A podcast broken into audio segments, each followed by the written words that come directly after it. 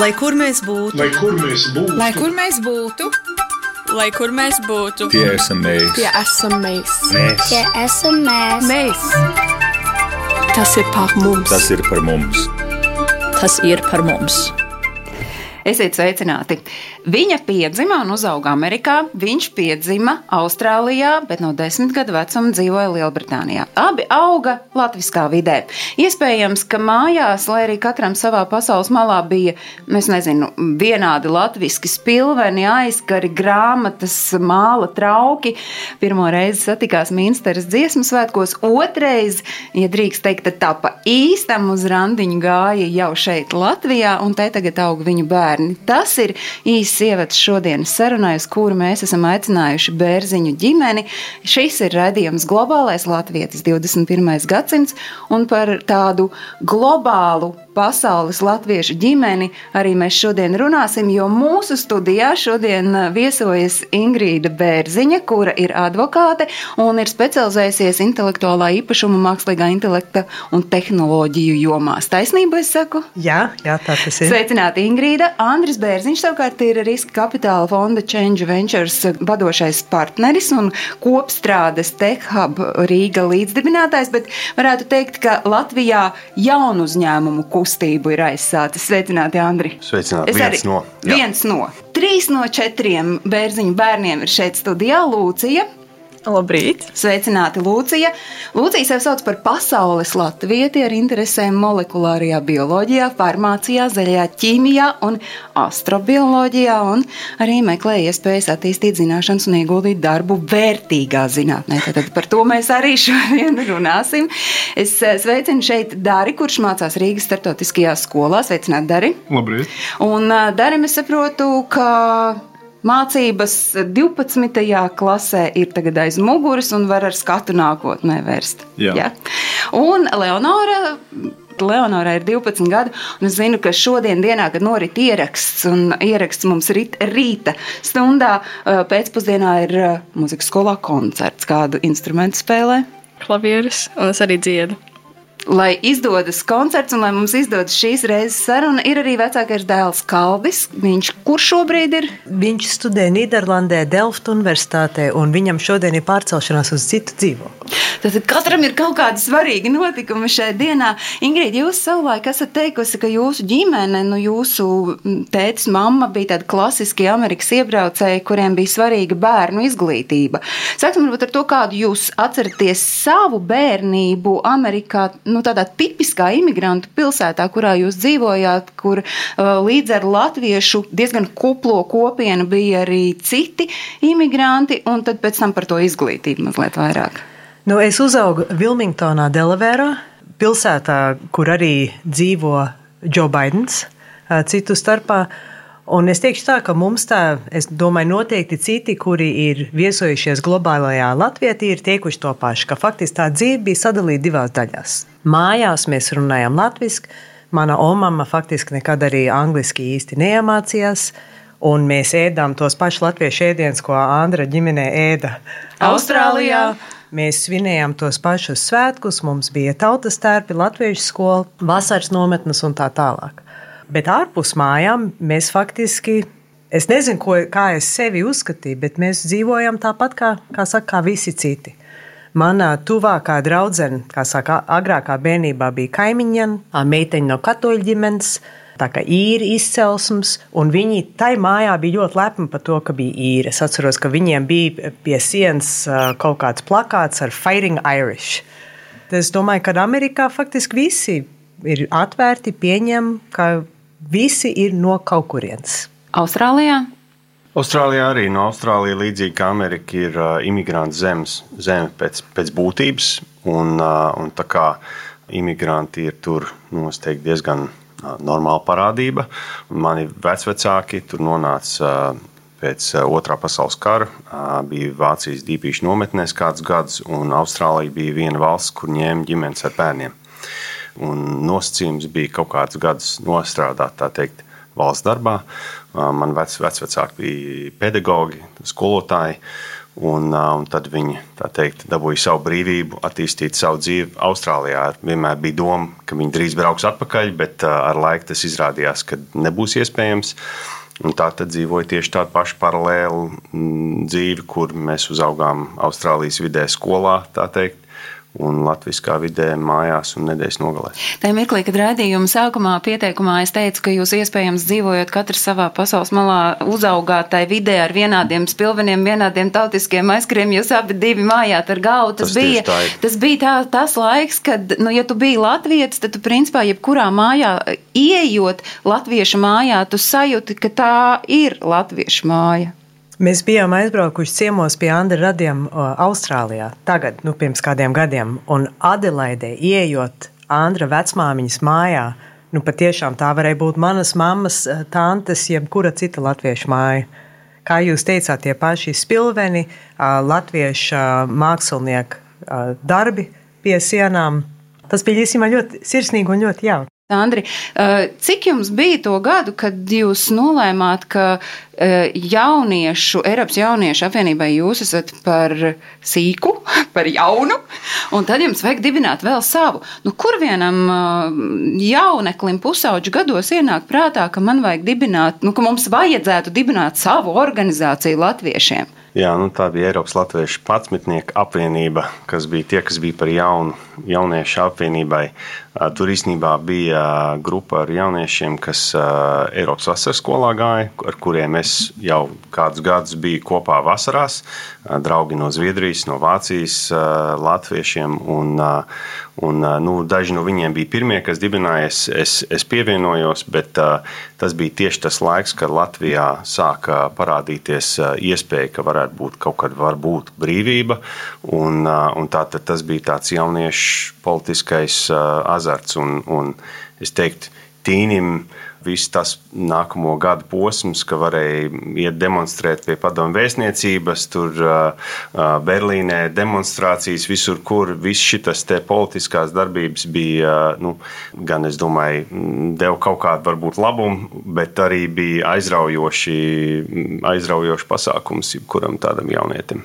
Cik daudz jūs, bērni, esat vecākiem vai nu prasījuši, vai tikai intervijās dzirdējuši par tādām viņu pusēm? Pusauģu un agrās jaunības laika aktivitātēm, protestējot par to, lai Latvija būtu brīva piedaloties demonstrācijās. Cik daudz jūs par šo esat savā, savās ikdienas sarunās runājuši? Man liekas, diezgan daudz. Es zinu, ka tēvs stāstīja, kā viņš tika arestēts par Berlīnas mūra apzīmēšanu. Mm, Neprecīzi. Man arestēja Latvijā tieši pirms Baltijas ceļa. Mēs ar draugiem šeit bijām naktī ap, apkrāsojuši ar saukļiem vienu sētu Rīgā. Un tad ček, čekisti faktiski kāds bija nodevis un mūs tur paņēma ciet un dienu not, noturēja man palaid vaļā tieši tajā brīdī.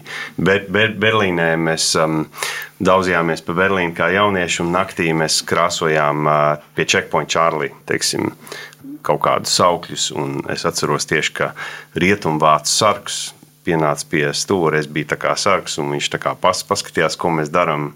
Es biju gatavs svilpt, ka visiem jāskrien, bet viņš, viņš laikam nolēma, ka nu, mēs netaisamies demolēt kaut ko, tad, lai, lai krāso. Tētis bija tas aktīvākais, vai mammai arī ir kādi šādi gadījumi, kurus uh, viņi ir stāstījusi jums? Varbūt ir, bet mums nestāsta. Kā tad ir? Igrīt? Tikai Andris ir bijis jaunībā tāds nu, nosacīti dūls, bet ja mēs domājam par Latviju kā brīvu, tai brīdī vēl nebrīvē. Es domāju, īstenībā es augu nedaudz vairāk tādā pasargātā vidē, un es esmu par to domājusi. Teiksim, manā ģimenē faktiski uh, Tā kā 80. gados bija tikai daži aizbraukuši līdz Latvijai. Un es teikšu, ka varbūt, varbūt tāpēc, ka es biju meita, kaut kā vairāk, nu, vairāk kaut kā gribēju arī pasargāt no, no tādām lietām. Un es pat arī tajā vecumā biju droši vien ļoti nofokusējusies. Es ļoti mācījos un daudz sportoju un darīju tādas lietas. Nu, man demonstrācijas pieredze drīzāk tādā, tādā organizētā veidā.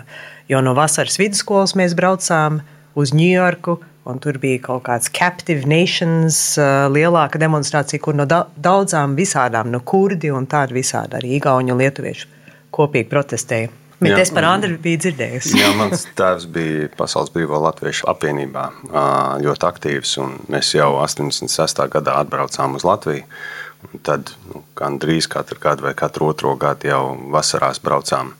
Jau pirms Latvija bija atguvusi brīvību. Tā Kā, nu, tas mums bija. Kā te bija draugi, te bija not- notikumi, tas viss bija ļoti. Ļoti tuvu, likumsakarīgi, laikam Jā, arī tas, jā. ka jūs tajā mirklī, kad uh, Ingrīda brauca pēc studijām Jēlā, atbrauca uz Latviju, kur jūs tad pirmo reizi, nu tā pa īstam satikāties un saskatījāties, tad uh, Andris jau bija šeit Latvijā, jau tā kā ar abām kājām nostabilizējies. Nu, īsnībā es pabeidzu bakalauru Londonā. Un, pabeidzot, īstenībā Anglijā bija ekonomiskā krīze, bija diezgan grūts laiks atrast darbu. un Man bija divas darba iespējas. Vienu vienā bankā, Anglijā, tādā ļoti garlaicīgā darbā, un otra iespēja bija ā, jauni izveidotā konsultāciju birojā, ko uzsāku šeit. Rīgā, tā bija tāda nu, diezgan traka iespēja, bet man liekas daudz interesantāka. un Tā tad es arī nolēmu atbraukt pēc kā pirmais darbs man bija šeit, Rīgā. Un jūs, Ingrīda, pārcēlāties, nu, nokļuvāt Latvijā jau ar tādu sajūtu, ka jūs šeit varētu dzīvot. Es beidzu augstskolu gadu pēc Andra. Mēs esam, kā saka, vienā gadā dzimuši, bet Amerikā bakalaura studijas ir četri gadi, un viņam bija trīs gadi. Līdz ar to es beidzu gadu vēlāk. Un, uh, es droši vien savā būtībā esmu diezgan konservatīva un piesardzīga. Es faktiski apbrīnoju, kā Andris uzdrošinājās ierasties Latvijā un, un stāties darbā, kur īstenībā tā kā nekas vēl nav izveidots, ka viss vēl top. Un man bija tā daudz konservatīvāka pieeja. Es pieteicos darbam ārlietu ministrijā, un, respektīvi, nonākot Latvijā, nu tā, nu, protams, tā bija ļoti jauna ministrija 94. gadā. Bet šā vai tā, tā bija jau kaut kāda, kā saka, institūcija, bija jau izveidota. Bet vai es braucu tā kā uz palikšanu? Man bija 22 gadi, es domāju, es vienkārši braucu. Nu, Latvijā jūs satikāties, un uh, tomēr es jautāšu, kāpēc jums bija svarīgi gan Andrim, gan Ingrīdai, ka jūsu otra puse ir latvietis? Jo gan jau, ka studiju laikā Ingrīdai bija puiši, kas pievērsa uzmanību arī ne ar latvisku izcelsmi. Jā, Nu, es tā pieļauju, es tagad spekulēju, es nezinu. Nē, nē, tā tas, tā, tas, tā tas arī ir. Protams, mēs ar Andru tiešām bijām jauni. Mums bija 23 3 gadi, kad mēs sākām draudzēties. Un es nedomāju, ka mēs tik tā mēķtiecīgi, kā saka, partnerus meklējam. Bet bez šaubām mēs atklājām, ka mē, mēs pirmām kārtām mēs tā kā vienkārši satiekam. Un ka mums ir, kā saka, nu tā, kā saka cilvēks ar cilvēku, nevis, nevis cilvēks pēc tautības.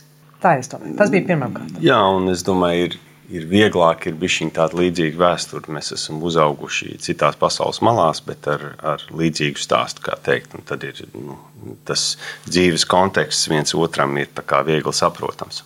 Šī raidījuma nosaukums ir globālais latvietis. Un, nu, tādam globālajam latvietim ir iespēja dzīvot principā jebkur, bet neraugoties uz to, es saprotu, ka tas tomēr ir tāds Andri jūsu stingrais lēmums jūsu ģimenei ar bērniem dzīvot un augt, pieaugt šeit Latvijā, jo es saprotu, tie ir bijuši jūsu vārdi, ka jūs esat sacījis, ja mēs esam latvieši un gribam, lai mūsu bērni nākotnē ar mums runā latviski, tad trimdā to būs ļoti grūti uzturēt.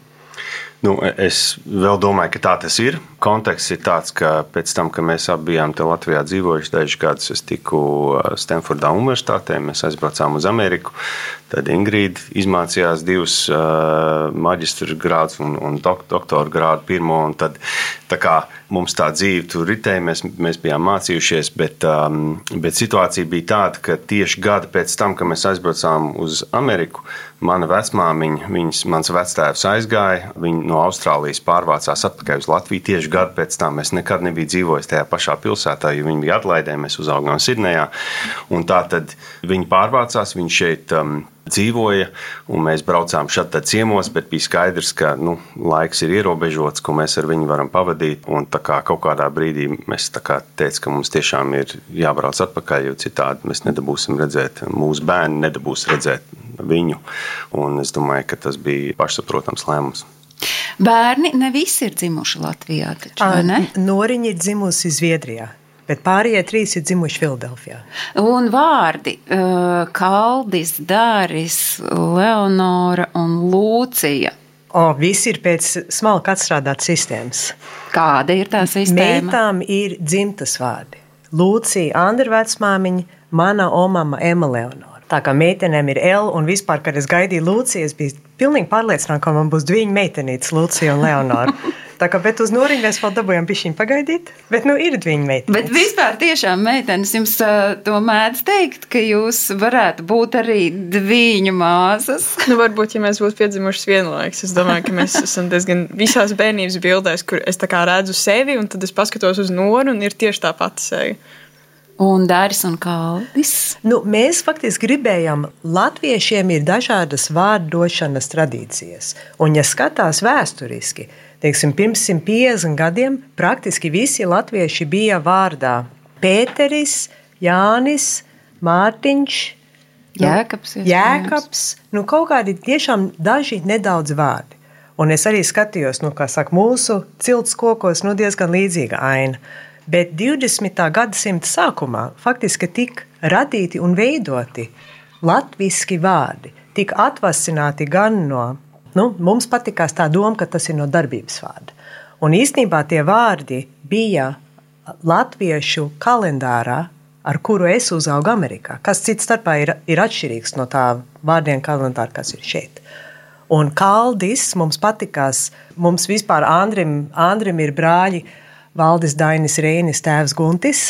Tā kā tā doma, ka varētu būt cita konstrukcija kā is, vispār neparādījās, man tā liekas. Un tad, ja mēs paņemam visus vīriešu vārdus, kas sākās ar mu- mans tēvs ir Uldis, Andra brālis Valdis, mums patīkās tā skaņa, un mums likās kaldis. Foršs vārds, nav dzirdēts, viegli izrunāt, un ja tu esi uzvārdā bērziņš, tad, nu, Andrs. Jā, Andra Bērziņa ļoti daudz. Jā. Jāņa Bērziņa arī ļoti daudz. Un es domāju, vajag kaut ko, kas bija viņa atšķir. Un kaldis no darbības vārda kaldināt, tas mums patīkās. Un Dāris, vai nu bija Dāris, vai no atkal Teodors. Tas ir mans vecāks, cita konstrukcija, cits viskas. Bet šis puisis piedzima, un mēs viņu ieraudzījām, un mēs sapratām. Rūts, smaidīgs, enerģisks, tas ir mūsu darbs. Radījumā Globālais Latvijas mēs bieži runājam ar ģimenēm, kas ir braukušas, mēģinājušas dzīvot Latvijā, un reizumis tomēr tieši bērnu dēļ ir aizbraukuši atpakaļ, jo kaut kādu iemeslu dēļ bērni nav varējuši iedzīvoties. Cik veci bijāt jūs, nu, tad, kad jūs tā nu, nobāzējāties šeit Latvijā? Darim bija kaut kādi divi mēneši. Četri mēneši. Četri jā. mēneši, kad mēs atbraucām. Man bija gandrīz četri gadi, man liekas. Tikko, tikko Tikko pāri. palika. Jā, Un Jā. Kaldim tad. divi. divi. Kaldim divi.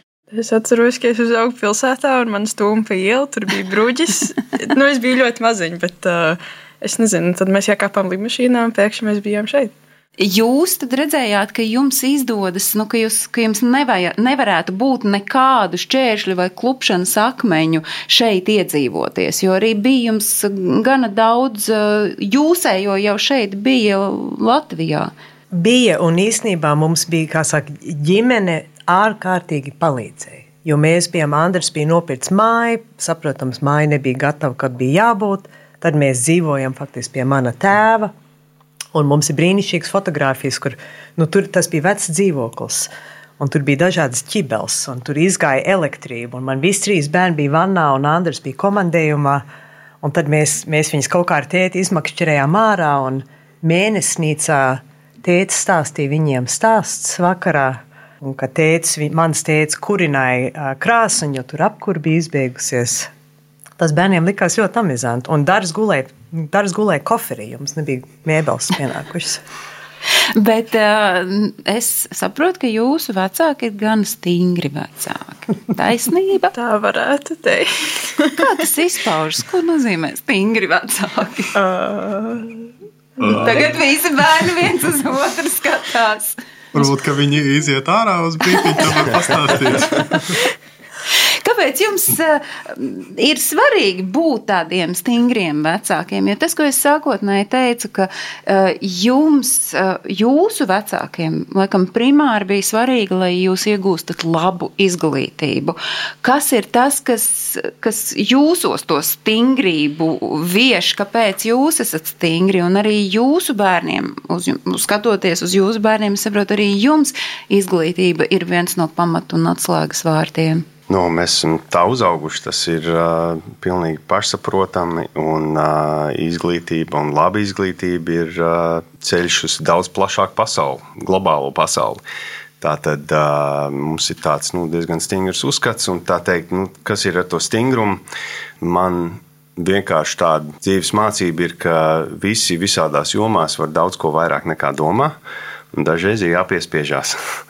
Tas dažreiz nozīmē, ka dara lietas, kuras negrib, bet uh, pēc tam atskatoties, ka varbūt uh, īstenībā tiek pāri kaut kādai grūtai, kā, kaut kādam grūtam brīdim un izdara daudz vairāk nekā pats no sevis bija sagaidījis. Un, kā, uh, es vēl atceros, ka Dārim Dārs mācījās klavierus, un viņam bija viens gabals jāiemācās uh, uz um, nu, katru viņam skolā katru laikam, semestri bija viens gabals jānospēlē publiski, un viņam gāja to grūti. Un, nu, mēs tur strostījām viņu, bet viņš saņēmās, viņš iemācījās un godam nospēlēja.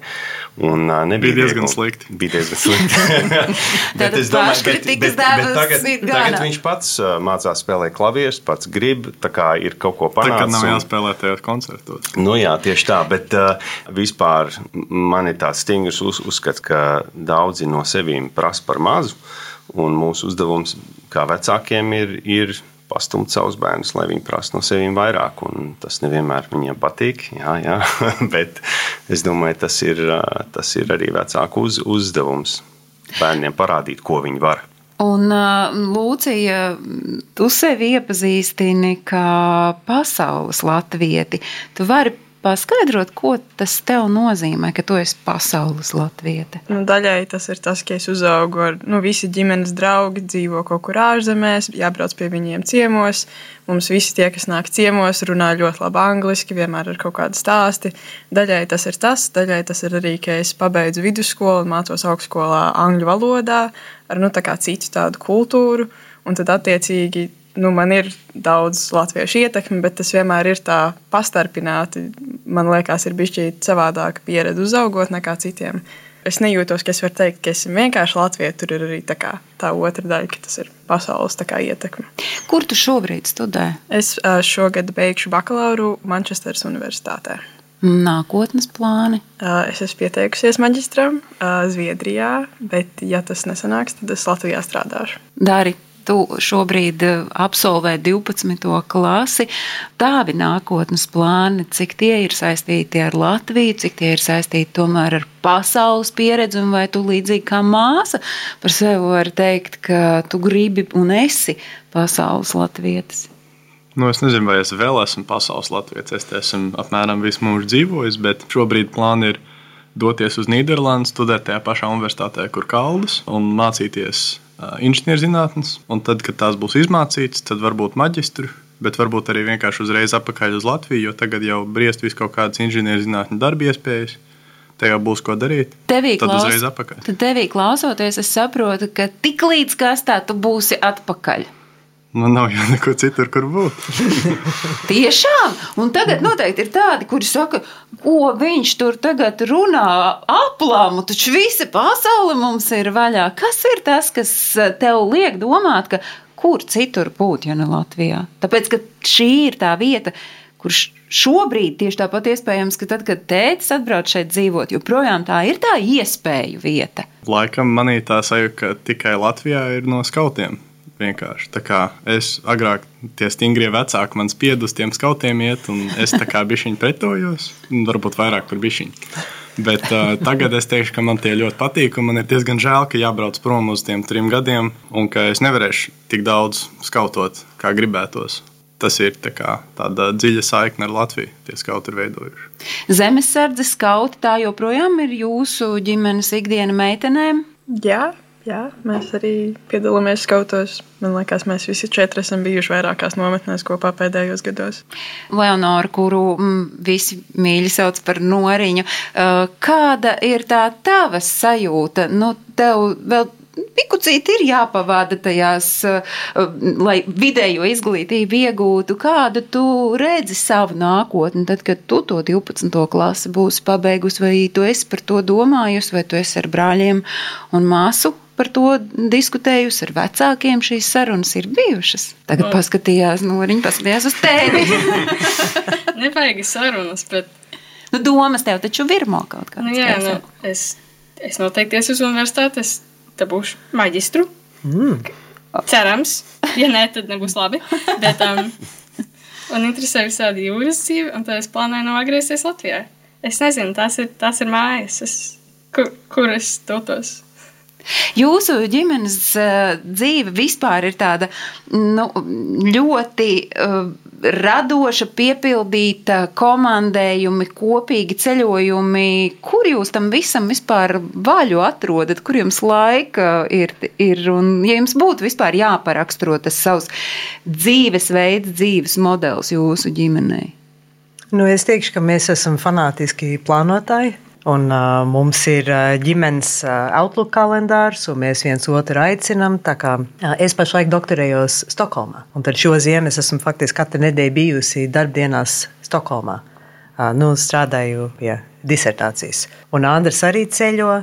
Un, protams, mums Lūcija brauc tur pakaļ no Manchesteras, un tad mums Kalda šādi atbrauc.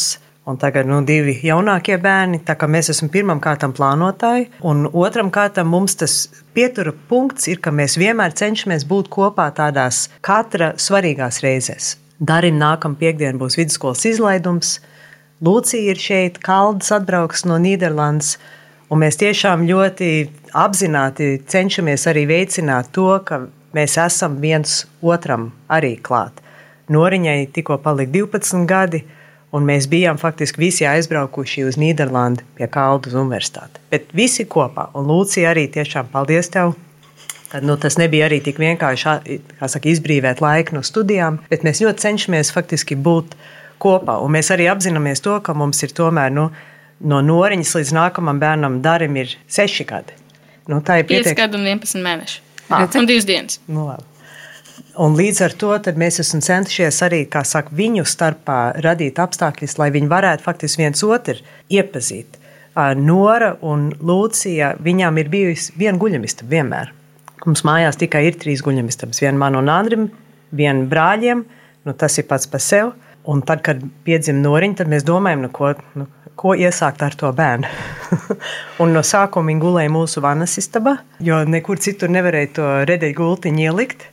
Bet tad faktiski līdz ko viņa bija paaugās, un tad Lūcija īstenībā piekritam, ka arī māsa var nākt pie viņas. Un es teikšu, es ļoti abrīnoju, viņas ir dažāda rakstura, bet ar ļoti daudz kopīgām interesēm. Viņas ir abas divas ārkārtīgi apdāvinātas mākslinieces. Zīmē, Lūcija ir certificēta kaligrāfa un tādā garā. Un es jūtu, ka tas, ka viņas ir kopā dzīvojušas, faktiski ir radušas arī, nu, ir diezgan viegli uzlikt austiņas un pagriezt muguru. Un īstenībā, ja tu esi vienā istabā, nu, tev ir katram savs privātums un telpa, bet tomēr viņas ir kopā. Mēs noteikti esam, man liekas, diezgan labi draugi kā bērni. Es tā gribētu teikt, un mēs labprāt pavadām laiku kopā. Tad, kad es atbraucu, tad, kad Kalns atbrauc, tad, kad Dāris atbrauks nākamgad. Jā, es domāju, ka ņemot vērā to, ka ar četriem bērniem uzaugt varbūt neskaitās tik vienkārši. Ir cilvēki, kuriem tas nepatīk. Man liekas, ka mums ir diezgan labi sanācis. Bet tiešām jūs nekad neesat strīdējušies? Nu, par muļķīgām lietām. Agrāk. Agrāk, jā. Tagad vairs ne īpaši. Jūs savulaik arī esat sacījuši, ka mēs šeit Latvijā varam būt godprātīgi cilvēki, un ka mēs varam arī būt atļauties būt slinki latvieši, vai jūs joprojām tā domājat, ka šeit, Latvijā, būt latvietim ir, nu, nevis tā, ka slinkam neko nedarīt, bet ka tu vari nepucēt to savu latvietību, vai jūs, piemēram, to redzat arī pie saviem bērniem, ka tas, kas jums bērnībā prasīja un jaunības gados prasīja brīvas, nu, upurēt sestdienas latviešu skolām vai kaut kādām latviešu nodarbēm, jūsu bērniem, principā, nu, nāk pats par sevi. Tā ir, tā ir liela dāvana īs, īsnībā. Tas ir daudz brīvāks laiks ko mēs toreiz pavadījām skolās un kā mēs vecākiem pārmetām, ka tur pārējie bērni dabūja kaut ko foršu darīt pa nedēļas nogalēm, un mēs uz latviešu skolu. Bet, nu, protams, tas beigās bija labi. Es domāju, tas mums ir arī radījis telpu, ka, kā saka, darīt citas lietas. Faktiski tas mums ir tas luksus, ka mums nav katru sestdienu jābrauc uz latviešu skolu. Kā saka, bērniem ir, ir skauti, iespēja satikt draugus, iespēja sportot un darīt citas lietas. Tā kā, nu, es domāju, ka latviešiem, kas atgriežas šeit, nu, ir, ir, protams, ir ļoti atšķirīgi, ļoti atšķirīgi piedzīvojumi pirms tam un pēc tam. Bet mēs jūtam, ka mēs esam faktiski varējuši tās lietas, tā, nu, mēs tiešām esam izbaudījuši tos saka, plusus un ieguvumus un visu, ko no tā, ka mēs esam Latvijā. Un es domāju, ka daži klausoties arī nevar saprast, tie cilvēki tiešām ir jocīgi. Viņi dzīvoja sapņu zemēs. Ko viņi šeit meklē? Bet joprojām jums šo mēdz jautāt, jo gal galā nu, tam noilgumam kaut kad vajadzētu Nu, cilvēki ir iestāties. ļoti pieklājīgi, un viņi nejautā. Bet, nu, varbūt es esmu vienkārši aizdomīga, bet man liekas, ka nu, dažam var rasties jautājums, nu, kāpēc. Un es domāju, ka tā īsā atbilde ir, protams, tas ir pateicoties Andrim, ka viņš tiešām nu, tajā laikā ļoti gribēja. Man arī vēl bija tas, ka es biju tikko nokārtojis advokāta eksāmenus Amerikā. Un ar advokāta eksāmeniem ir tā, ka nu, viņi nav derīgi nekur citur. Tā kā man atkal bija tas šķērslis galvā, kas bija jāpārvar, nu labi, jākvalificējās no jauna. Ko tu arī veiksmīgi Ko es izdarīji? arī, ko es arī izdarīju. Jā, bet nu, es domāju, tā atbilde bija tā, ka mēs tiešām gribējām būt mājās. Mēs jau mēs gribējām, ka bērni ir latvieši un ka viņiem tā latvietība ir kaut kas pats par sevi saprotams. Un ka viņi var, es ļoti ceru, ka bērni arī varēs pēc studijām strādāt eh, citās vietās, iegūt pieredzi un darīt brīnišķīgas lietas. Bet nu, man ir kā mammai tiešām ļoti. Nu, Sirds dziļumos tiešām prieks par to, ka es no viņiem visiem dzirdu to, ka viņi cer, ka tas, ko viņi dara, varētu būt nākotnē saistīts ar Latviju. Tad, kad es eh, redzējumu sākumā pieteicu jūs, Andris, sacīja, ka jūs esat aizsācis to jaunu uzņēmumu kustību šeit, Latvijā, un liekas, nu, mēs par tādiem jaunu uzņēmumiem runājam jau diezgan ilgtermiņā, un, un nu, joprojām arī klausoties Dārī, ko viņš saka, kāda ir viņa mm, skats, kāds ir viņa skats uz Latviju, joprojām Latviju arī jūs redzat kā tādu, nu, zināmā mērā neizsmeļamu iespēju vietu. Jā, es šajā jomā redzu, ka ir, uh, ir lielisks iespējas nākotnē. Un, um, un dažreiz tas ir tas, kas uh, mulsina tos, kam liekas, ka Amerika vai Lielbritānija vai kāda cita lielvalsts ir sapņu zeme, jo mēs esam tur dzīvojuši, viņām visām ir savi mīnusi, arī daži ļoti lieli. Piemēram, teiksim, es Londonā dzīvoju 13 gadus, un uh, no Londonas tikt ārā, atrast uh, brīvo dabu, kur varam mugursomu aiziet pa nedēļas nogalu, uh, palikt teltī. Nu, tur diezgan tālu jābrauc. Tas nav lēts prieks. Šeit mēs varam pusstundā jau būt ārā no Rīgas un doties, kur gribam. Un tā kā visādas tādas lietas, kas ir uh, lielisks priekš, priekšrocības. Tātad, nu, un tajā jaun, jaunu uzņēmumu pusē ir. Es īstenībā aprakstu visas Baltijas valstis kā nākamo Izraelu. Es saredzu, ka ir, es agrāk strādāju vienā Izraels jaunu uzņēmumā, ir ļoti daudz līdzības un milzīgas iespējas nākamos 10, 20 gadus uztaisīt milzīgu izrāvienu šeit. Mēs esam maza valsts, kur ir talantīgi uzņēmēji, kas var pārdot globāliem tirgiem. Tā kā tirgus neierobežots, ja iet ārpus mūsu valsts, jo mums viņš ir ļoti maziņš. Bet, ja iet ārpus, Un, uh, tagad digitālo pasauli var lieliskas lietas darīt. Tā kā, es domāju, ir ļoti labs iespējas. Jā, dzirdēji, Dari. Tas, laikam, tev ir eh, iekodēts zināmā mērā. Ja, nu, mēs esam šobrīd tādā ciparu pasaulē, un, un tad ir, protams, cilvēki, kuri ir satraukušies par eh, mākslīgā intelekta iespaidu uz nākotni, bet eh, jūs, Ingrīd, šajā jomā skatoties, droši vien sakāt, ka mums ir jākreņķējas par to, vai tomēr jāsaskata šo šo tehnoloģiju iespēju kā mūsu iespēju. Nu, tā tehnoloģija kā tāda jau ir pilnībā neitrāla. Jautājums ir, kā, kā mēs to izmantojam. Nu, es pašlaik esmu doktorantūrā Stokholmā, es teikšu, ka tur, saka, temats numurs viens, divi un trīs ir mākslīgais intelekts. Sākot ar to, nu, ko darīt, ja studenti izmanto mākslīgo intelektu, lai uzrakstītu kaut kādu kontrolu darbu, vai esēju, vai kaut ko citu. Bet, protams, no otras puses, tā ir mūsu iespēja, tas ir mūsu izaicinājums. Es domāju, saprast tās tehnoloģijas un viņas kaut kādā veidā gudri izmantot. Tāpat laikā ir zinātnieki, kuri apzināti cenšas apgūt tos rīkus. Piemēram, pētniecības darbā, nu, man, mana joma ir tiesību zinātne. Un pētniecības darbā nu, kaut vai tādas elementāras lietas, kā vienkārši, kā saka, pirmā līmeņa kaut kāda avota apgūšana. Nu, to var ar mākslīgo intelektu, var ekonomēt daudz laika un iespējams dabūt labā, labāk rezultātu nekā, ja tu tos 5000 rezultātus, ko tev kāda datubāze iedod, ja tu ar, kā saka, kaut kā manuāli vai kā savādāk centies viņus apstrādāt. Nu, tas, ko es esmu dzirdējusi, kas mani mierina, varbūt mazliet arī dara bažīgu, ka, nu, kā jau jūs minējāt, no paša mākslīgā intelekta mums nav ko uztraukties un baidīties.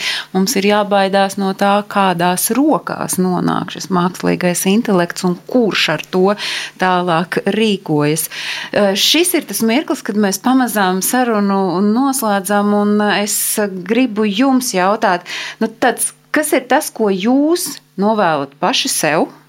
Kas ir tas, ko jūs novēlat tai Latvijai, kurā mēs šobrīd dzīvojam? Jo vēl salīdzinoši nesen kāds no jūsu ģimenes ir sacījis, ka Latvijā nekad nav klājies tik labi, kā tas ir tagad. Ko jūs sakāt šodien par šā brīža Latviju un kādu jūs redzat savu lomu tajā pēc? Nezinu, nākamreiz, kad tiksimies, piemēram, pēc pieciem gadiem. Nu, Latvijā ir baigi labi. Un es domāju, pēc it īpaši ar to visu to vilcienu, ko viņi tur būvē, tos ceļus beidzot salabo un tā kā viss kļūst vienkārši labāk visu laiku. Nu, neraugoties uz to, ka droši vien rīznieki šķendējas un ņemas kastie par sastrēgumiem. Tie saskarēkumi ir diezgan slikti, bet tas jau nav tas sliktākais, kas var būt. Vismaz nav krievi. Nu, man liekas, padzīvojot ārzemēs, tikai labāk saprotu, cik forši šeit ir un cik mums ir laba daba un cik kā valsts patiesībā ir labā stāvoklī, ko man liekas daudz cilvēku nemaz nenovērtē. Kā paskatīties apkārt, aiziet uz esplanādu, uz foršu lielu parku pilsētas centrā, kas visur tā kā nav. Nu, mums apkārt ir labas lietas. Man arī liekas, ka nu, Latvijā dzīvo maz cilvēku, tā ir salīdzinoši maza valsts, bet tā ir arī daudz plusi. Un jā, šeit arī ir daudz daba, daudz daba, tu apkārt. Un Varbūt viņi neizskatās tik tā kā tāda, kā piemēram, tropiskā vietā, kā ā, tas ūdens ir tik zils un tik pamanāms, bet viņi vēl vien ļoti skaisti. Jā, nu es domāju, šī ir iespēja zeme, un uh, es aicinātu visiem uh, saskatīt tās iespējas. Ir, uh, ir viegli iestrēgt ikdienas sūdzībās. Es arī esmu tāds, kas bieži vien par lietām sūdzās, bet tajā pašā laikā cenšos redzēt to, kas ir labs. Un, teiksim, tehnoloģiju jomā man regulāri nākās satikties ar, ar cilvēkiem, kas pieņem, ka mūsu ļoti salīdzinoši ļoti digitālā pasaule, ļoti avansētā pasaule, kas ir mūsu te Latvijā, ka tas ir visur. Un uh, es viņam atgādinu, ka Amerikā vēl cilvēki lieto čekrāmats. Daudz šeit nezinu, kas vispār tas ir. Tas ir ar roku parakstīt uh, uh, parādzīmi par to, ka tu maksās par kaut ko, tad viņi tiek vēst papīrus uz banku. Tas viss ir kosmos. Bet Amerikā tā ir ikdiena, un šeit mums ir tiešām ļoti avansēta valsts. Ļoti labs atgādinājums tiem, kuriem Amerika ir tāda sapņu zeme, mm. ne, Ingrīda? Es katru nedēļu lidoju uz Stokholmu, un e, es lidojot, es tiešām bieži aizdomājos par to, ka zem manis ir Baltijas jūra. Un 44. gada rudenī mani vecāki bija spiesti šķērsot šo jūru ļoti nedrošos apstākļos. Tur neskaitāmas dzīvības tika zaudētas tajā pašā Baltijas jūrā, bēgot no Padomu Savienības. Un es domāju, cik ļoti dieviņš stāvēja klāt maniem vecākiem, vecvecākiem, un faktiski cik ļoti dieviņš ir stāvējis klāt mums visiem, kas esam šeit. Mēs esam Latvijā, mums ir sava valsts. Mēs varam brīvi runāt savā valodā, mēs varam brīvi runāt visvisādās valodās. Mēs varam uzņemt ciemiņus, draugus no visas pasaules un lepoties ar to, ka mēs esam tiešām viena no ļoti nedaudzām valsts nācijām pasaulē. Un visa pasaule ir pilna ar tautām, kuri ilgotos pēc savas valsts. Un mums tā ir. Man liekas, ka tais pēdējos 30 gados mēs esam tīri labi klārējušies. Un es domāju, tas ir savā ziņā labi, ka mēs sūdzamies, jo tas arī nozīmē, ka mēs neatslābstam. Tas nozīmē, ka mēs kaut ko no sevis un no Latvijas sagaidām. Es saku paldies uh, šai brīdī bērziņu ģimenei, māma Ingrīda, tētis Andris un bērni Lūcija, Dāris, Leonora un Kaldis uh, studijās Nīderlandē. Paldies par to gaišumu, ko jūs iedavāt šodien mums, šī raidījuma veidotājiem, šī raidījuma klausītājiem. Es atgādinu, šis ir raidījums Globālais Latvietis 21. gadsimts un visus tos svarīgos notikumus tiem latviešiem, kuri dzīvo dzīvo ārpus Latvijas, jūs varat meklēt portālā latviešu.com. Un paldies, ka jūs bijāt šai reizē kopā ar mums, un uh, es ceru uz tikšanos ar jums kādā citā reizē. Tā. Lai kur mēs būtu, lai kur mēs būtu, Lai kur mēs būtu, lai kur mēs būtu, tie esam mēs. tie esam mēs. Mēs. Tie esam mēs. Mēs. Tas ir par mums. Tas ir par mums. Tas ir par mums. Globālais latvietis 21. gadsimts.